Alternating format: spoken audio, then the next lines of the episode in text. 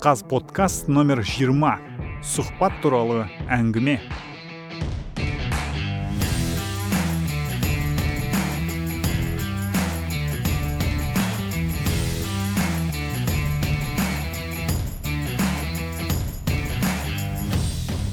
Баршаңызға сәлем. Бұл қаз подкаст қазақстандағы подкастингді қорғап оны таратуға арналған жоба. Астанадан сөйлеп отырған мен қазақстандық кәсіби подкастер Илдар құдайбергенов.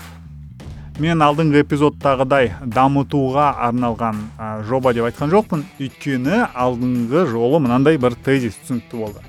Жалпы подкастинг қазақстанда бүкіл әлемдегідей дамыған нәрсе. Иә оны мен қалай осыған орай мысал айтып өтсек иә. Америкада немесе жаңағы ұлыбритания австралия қытай ә, япония болмасын қай жақта алмасақ та сол жақтың адамдары қалай подкаст тыңдаса тура солай қазақстанда да подкаст тыңдайды. Мен процесс туралы айтып жатырмын иә.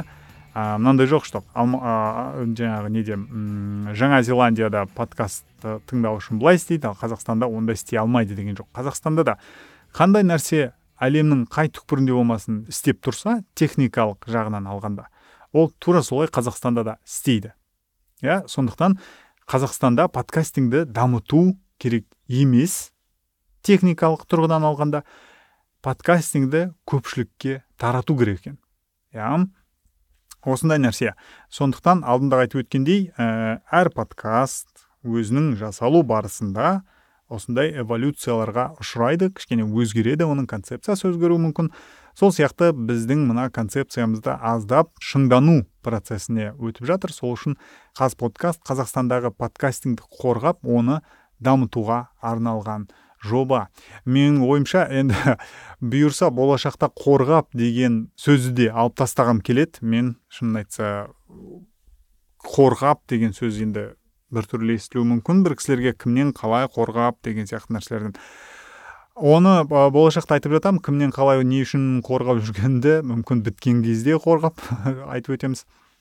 Жалпы бүгінгі әңгіме қызық болады деп ойлаймын. Оның ішінде журналистерге мен алдындағы айтқандай сұхбат және әңгіме туралы аз маз іздеулер жасап ә, сіздермен бөлісетін қызықты ақпараттарым бар. Оның алдында жеке жаңалықтарды ә, жеке болғанда подкастингке қатысты жеке жаңалықтарымды айтып өтетін болсам менің бағдарламашыға фронтендке байланысты оқуым ендігі аптада бұйырса басталады.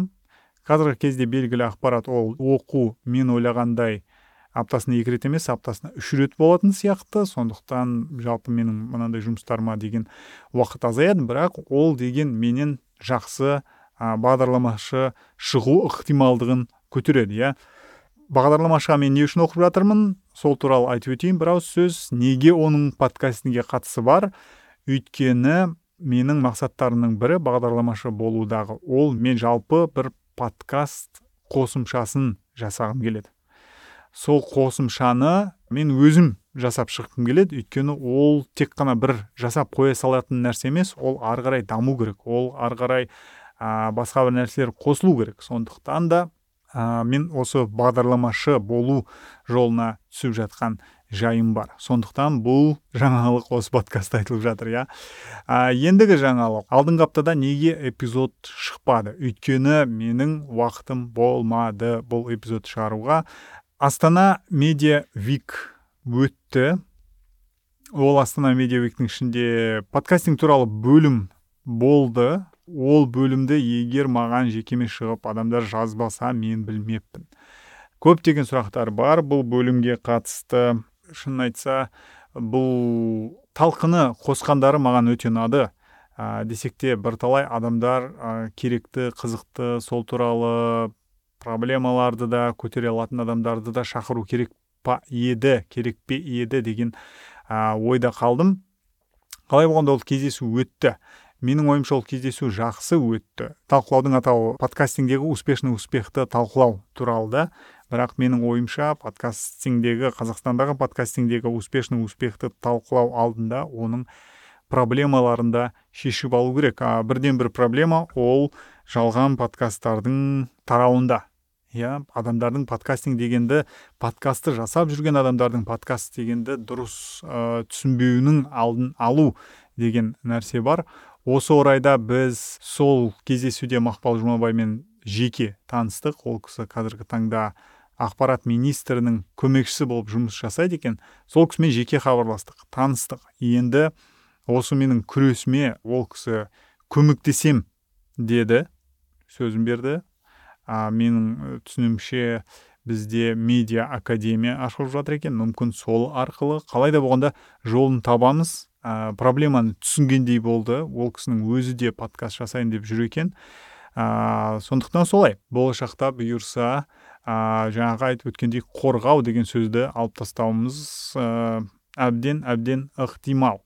Енді сол панельдік сессия туралы бір екі ауыз сөз айтып өтетін болсам ә, сессияның модераторы болып мұрат әбен тағайындалған екен. Маған басында түсініксіз болған подкастингке мұрат әбеннің не қатысы бар деп. Сөйтсек ол кісі ютубта күн нүкте kz деген каналға рсс жоқ тырнақшаның ішіндегі подкаст жариялап жүр екен вопрос возник из-за этого. Мы с донатом решили сделать такой подкаст попробовать по крайней мере. Және ол кісінің әрине үлкен аудиториясы бар. Осыған орай шақырылған шығар деп ойладым бірақ бір жағдайларға байланысты ол кісі келе алмапты. Ә, жаңағы панельдік дискуссияны жүргізуге мақпал жұмабай отырды. Сол кісі ә, жүргізді панельдік талқылауды. Енді модераторды таңдау бойынша қалай таңдалды неге сол кісілер таңдалды деген ә, сұрақ әрине ә, бар. Ол талқыға бес подкастер шақырылған. Бес подкастерді егер алып қарайтын болсақ оның біреуі үлкен мекеме қазконтент деген мекеменің ә, бір басшыларының бірі.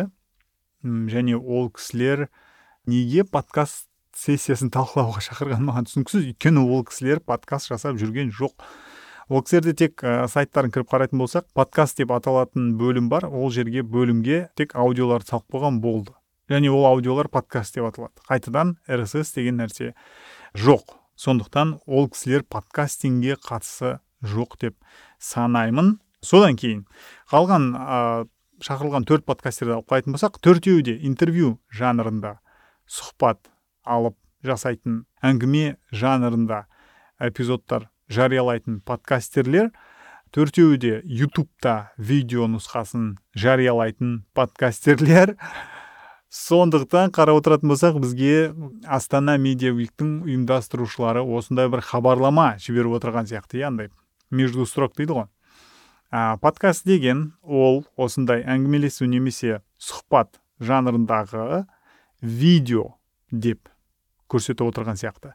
Оның ар жағында жатқан басқа форматтағы басқа жанрдағы аудионы ғана шығаратын немесе жаңағыдай ә, бастан аяқ жаңағы под ключ подкаст жасайтын мекемелер подкаст студиялар бар подкаст қосымшаларын жасайтын адамдар бар. Оларды ешқалай шақырмаған олар мүлде білмейді даже. Мен мен мен білгем астана вик астана медиа виктің өтіп жатқан. Бірақ сайтына кірген кезде подкастинг подкаст туралы әңгіме айтылатын мен бағдарламасынан көрмедім. Сондықтан да ә, қарамаған болатын. Бірақ содан кейін білмедім қалай екен бірақ пайда болыпты сондай ақпарат что осындай болады деп. Сондай. Содан кейін ә, жаңағы подкастерлердің бәрі алматыдан. Ал бізде қазақстанда басқа өңірлерде де осы астананың өзінде немесе батыс болсын шығыс болсын жақта да подкастерлер бар. Мүмкін соларды шақырып көру керек пе? Ә, немесе оның орнына ә, егер жаңағы медиа вик деп ол журналистерге ғана қатысты дейтін болсақ қазақстанда кәдімгі жақсы подкасттар шығарып жүрген ә, бақтар бар. Сол кісілерді мүмкін шақыру керек пе сол ә, подкастингге қатысы бар бөлімнің басшыларын немесе сол жерде продюсерлік жұмыс істеп жүрген адамдарды шақыру керек пе еді? Мүмкін солардан пайда молырақ болар ма еді? Мүмкін талқы басқа деңгейде өтер ме еді. Бірақ біздің талқы әр санатта өтті. Егер видеосы болса мен аудиосын осы фитке мүмкін сілтемесін осы жерге қоям. Тыңдап көрерсіздер мен барған кезде бір тезисімді айтып өттім что міне қазір бізде подмена понятия болып жатыр осының алдын алайық деп. Бұндай проблеманы шешеміз бәрін министрдің уровеньде бәрін шешеміз деген ә, сөздерді мен алдыңғы жылда естігенмін. Енді биыл сол сұрақтар шешілсе әрине мен қуанамын мен жаңағы қорғау күрес деген сөздерден бас тартып кәдімгі өзімнің подкастерлік ә, жұмысыма қайтадан оралып осы жұмыспен көбіне айналысатын боламын. Иә демек менде екі жұмыс болады. Біреуі бағдарламалау екіншісі подкастинг. Өстіп ұзақ уақыт ә, эпизод жазбай кеткен кезде мен ойыма келетін бір нәрсе бар. Ол подкастердің басты жұмысы ол подкаст жасау. Ол курс жасау емес. Ол семинар ә, жаңағыдай вебинар тренинг өткізу емес. Подкастердің басты жұмысы ол подкаст жасау. Сол подкасттың сапалы болуын қарау. Осындай жұмыстар. Сондықтан подкастер ә, жаңағы подкаст жасай салып сосын курс сата бастауы ондай нәрсені мен ұнатпайтыным да м осыдан болар осыдан шығатын шығар. Иә сондықтан егер сіз подкастер болсаңыз сіздің басты жұмысыңыз подкастер ретінде ол подкаст шығару екенін ұмытпағайсыздар. Енді менің көзқарасым бұл иә сіздің көзқарасыңыз әрине басқаша болуы мүмкін. Ә, сонымен жаңағы сессияда бес адам шақырылған оның екеуі келген жоқ ол жерге. Ә, біреуі нарик би болды білмедім нарик би неге келмеген ол зум арқылы шығу керек болған шығу керек деген бірақ шықпады иә. Содан кейін ә, алматылық тағы бір подкастер о марина ол видео жазып жіберген. Ә, ең маған ұнағаны ол видеосының ішінде рсс де айтып өтті. Видеосы орыс тілінде бірақ жалпы айтылды. Подкастинг деген ол өстіп аудио немесе а жоқ ол аудио деді ғой деймін тек қана. Жалпы рсс нәрсе рсс деген нәрсе туралы айтты. Онымен қоса айнель отырды содан кейін нұржан еркінұлы да отырды. Ә, нұржан өзінің көз тиеді деген бағдарламасын подкастқа айналдырып рсс-ін рсс-іне аудионы таратып жүр. Ол супер нәрсе күшті. О, нұржанмен де сол сессиядан кейін біз жеке сөйлестік бірталай нәрсені талқыладық. Айнельмен де сөйлестік. Ә, осы сөйлесулер барысында мынандай нәрсе шықты. Ол кісілер қазір ә, подкастингке қатысты қазақ тілінде нұсқаулық жазып жүр ғой. Сол нұсқаулыққа ә, менің бір кішігірім мақалам қосылатын болды. Ол мақалада мен подкастингнің дефинициясы туралы жазамын. Бұйырса қазір мына эпизод жазып болған соң барып сол мақаланы жазуға ә, отырамын. Бітіру керек. Бүгін ертең бітіріп ә, тез тез тапсырып кету керек. Өйткені бұйырса жұма күні мен ә, аралға кетемін. Сол жақта боламын. Бес күн ба сондай сол жақта боламын. Сондықтан ол нәрсемен айналысуға қол тимейді. Сондай нәрсе ә, бар. Содан кейін егер ә, қазконтент туралы айттым ғой енді иә одан кейін осы нәрсені ұйымдастырып отырған ұйымдастыруына қатысып отырған мекеме хабар ол да өзінің эфиріндегі не хабар деген бағдарламасын жаңағы эфирге шығарып ютубқа жариялап оны да подкаст деп жүр. Иә былай айтқанда подкаст деп жазып жүр.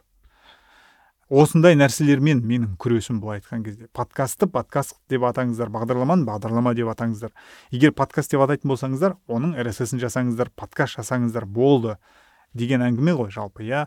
Осының бәрін алдын алған соң мен шынын айтса осы осы медиа уиктен кейін ә, жалпы осы күрес туралы осындай жазулар туралы мен жаңағы ә, қазконтенттің басшысын сынға алып ә, фейсбукке пост жаздым сол пост туралы мен жақын адамдармен көп сөйлестім.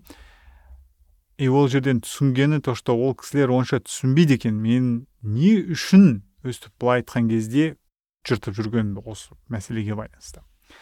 Осын тағы бір айтып өтсем. Подкастинг мен үшін бұл жай ғана технология емес. Подкастинг мен үшін бұл кәдімгі мен айналысып жүрген сала. Және бұл саланың қазақстанда дұрыс таралғанын қалаймын мен. Иә өйткені мен болашақта да бұл нәрсемен айналыса бергім келеді. Ал егер біз бұрыс түсінікті тарататын болсақ онда ертең подкастинг деген нәрсе болмай қалады. Барлық нәрсе подкаст болып кетеді. Біз подкаст пен сұхбат әңгіме не екенін ажырата алмай қаламын мен, мен ажыратамын әрине бірақ көпшілік ажырата алмай қалады журналистерде олардың аудиториялары да. Сондықтан әзірге бұл нәрсе көпшілікке қатты тарамай тұрған кезде бұл арам шөп былай айтқан кезде тек өсіп келе жатқан кезде оны жұлып түбінен ең басында алдын алу керек. Сол үшін жасалып жатқан нәрсе. Осыған орай сұхбат не әңгіме деген нәрселерін подкаст деп шығарып жүрген ә, адамдарға оның ішіне адамдарға арнап мен бүгінгі ә, айтатын басты тақырыптардың бірі ретінде сұхбат пен әңгіменің айырмашылығын ара жігін бүйтіп ашып беретін ә, нәрсе айтқым келіп отыр. Ә, бағдарлама барысында сұхбат делік иә? Журналистің жұмысы тек қана сұрақ қоюмен және соны жаңағы нақтылаумен шектелсе бұл демек сұхбат. Журналист өз ойын білдірмейді өз пікірмен бөліспейді. Сондай нәрсе. Ал әңгіме жанр ретінде ол екі адам немесе үш адам қанша адам төрт адам ба ол бәр, барлығы бірдей былай айтқанда иә? Сұхбатта сұхбат алушы былай айтқан кезде жаңағы әңгіме барысын жүргізіп отырады ғой. Ал әңгімеде барлығы бірдей барлығы бірдей сұрақ қоя алады барлығы бірдей өзінің ойын білдіре алады. Ешкімге ешқандай шектеу қойылмайды. Ең басты айырмашылықтардың бірі осы. Сұхбат келе келе әңгімеге айналып кету мүмкін.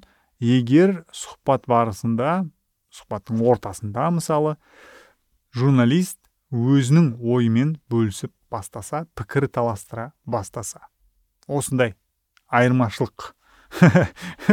Сіздер бір сұмдық ә, көп бір әңгіме күткен шығарсыздар. Жоқ бұл өте қарапайым түсінікті қысқа да нұсқа нәрсе. Мен академиялық тұрғыда әлі журналистиканы оқымадым. Бірақ мен интернеттен неше түрлі ғылыми жұмыстарды алып ашып оқи аламын. Сол жерден ең басты түйген нәрселерім осы.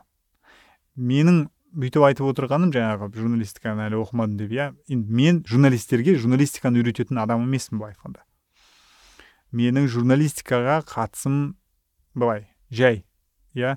Бір сайт өте өте жай шынын айтсам. Мен өз жұмысымды журналистика деп санамаймын. Бұл ә, бөлек нәрсе білмеймін. Блогинг деңіздер басқа басқа нәрсе.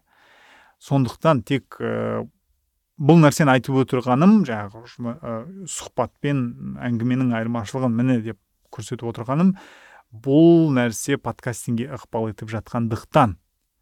Тек қана сол үшін ғана. Егер адам немесе ұйым подкастингнің таралуына кері ықпал еткізетін нәрсе жасамаса менің ол кісілерде ешқандай әңгімем жоқ шынын айтса. Мен тек қана сөйлеймін жазамын ә, подкастингді технология ретінде дискредитацияға ұшыратып жаңағы подмена понятий жасап жатқан ә, адам немесе мекемелерге қатысты жазам және айтам. Ә, бір кісілер айтады сен ә, кішкене былай агрессивтісің деп. Иә мүмкін аз маз агрессия болуы мүмкін иә түсіндіріп өтейін неге. Ә, біз бастапқыдағы софт пауэрмен араласатын ә, этаптан өтіп кеткенбіз. Оның алдында мен былай да айттым ақырын да айттым жаздым да курс жасадым. Үйттім бүйттім болмады. Сондықтан да кішкене даусыңды шығарып міне мынандай деп кішкене напормен айтпасаң естімейді екен. Напормен айтқанның өзінде де естіп жатқаны екі талай. Бірақ ә, аз маз нәтижелер бар. Мысалы ә, хабар қазіргі таңда жаңағы не хабардың жүргізушісі өз бағдарламасын подкаст деп айтпайды. Иә ол меніңше ол нәтиже. Ә, мысалы менің жекеме журналистер шығып подкаст бастағысы келген журналистер шығып жаңағы консультация алып жатыр. Тереңірек түсініп жатыр. Қай жерден оқысақ болады не оқысақ болады ә, деген сияқты сұрақтармен. Ә, сондай нәрселер. Егер мен үндемей ішім біліп жүре берсем бұл нәрсе қалай дамитыны қай жаққа баратынын біз білмейміз. Бірақ менің білетінім сол баяғы м блогингтің жоғалған ә, кейсі былай айтқан кезде иә бір екі үш жылдың ішінде блогинг деген жоқ болып кетті. Мен білем ол жерде жалпы әлеуметтік желілердің дамуының да ықпалы бар. Бірақ егер біз мысалы м, сол американы алайық иә. Америкада адамның блогы ол оның блогы ол кәдімгі блог классикалық түсініктегі блог. Ал әлеуметтік желідегі оның парақшасы ол оның әлеуметтік желідегі парақшасы. Иә олар шатастырмайды. Мынау менің блогым мынау мынандайым деп. Көбіне деп айтайыншы иә мүмкін ыыы, ютубте атайтын адамдар бар шығар. Менің кездесетіндерім қазіргі таңда ана бағдарламалауды зерттеу барысында кездестіретіндерім әр маманның өзінің бөлек бір блогы бар. Олар ол блогтарын 10 жыл 15 жыл 20 жыл жүргізіп келетін адамдар. Және олар үшін ол блог. Бізде қазақ тілінде мен шынымды айтайын қазіргі таңда ә, әрдайым жүргізіліп отыратын блог білмеймін. Кәдімгі классикалық бөлек домендегі мүмкін wordpress комдағы ма немесе жаңағы бөлек өзінше жасалған ба ондай блог мен білмеймін қазақ тілінде. Ал ондай болған 2010-ның басында 2010-ға дейін де ондай нәрсе болған. Бірақ кейіннен бағанағы айтып өткен подмена понятий болды. Иә мүмкін сіздер білесіздер. Қазақстан блогерлерінің альянсы деген нәрсе шықты. Ә, ол жерге блогерлер емес осы фейсбук инстаграмдағы адамдарды әкеліп қосты. Сіздер міне осылар блогер деп көрсетті. Ал олар негізінде былай айтсақ инфлюенсерлер да фейсбук инстаграмда көп аудиториясы бар адамдар. Осындай нәрселер болды да мен осы кейсті білемін. Және ол кезде мен бір екі рет үш пост жаздым ғой деймін. Мен ол кезде жаңағы қызметте болғам. Басқа мекемеде мемлекеттік қызметте. Мен үш пост жаздым сол туралы. Ә, және жаңағы ә, блогерлер альянсының бастығы мені блогқа банға жіберді да болды сонымен. Ә, мен енді ойлаған жоқпын ғой блогингке қайтадан келем деп. Сол кезде мен ойладым ну окей менің бұл нәрсеге қатысым жоқ деп. Ал қазір подкастингке келетін болсақ бұл жерде мүлде басқа жағдай. Біріншіден мен қазір тәуелсіз адаммын қалай?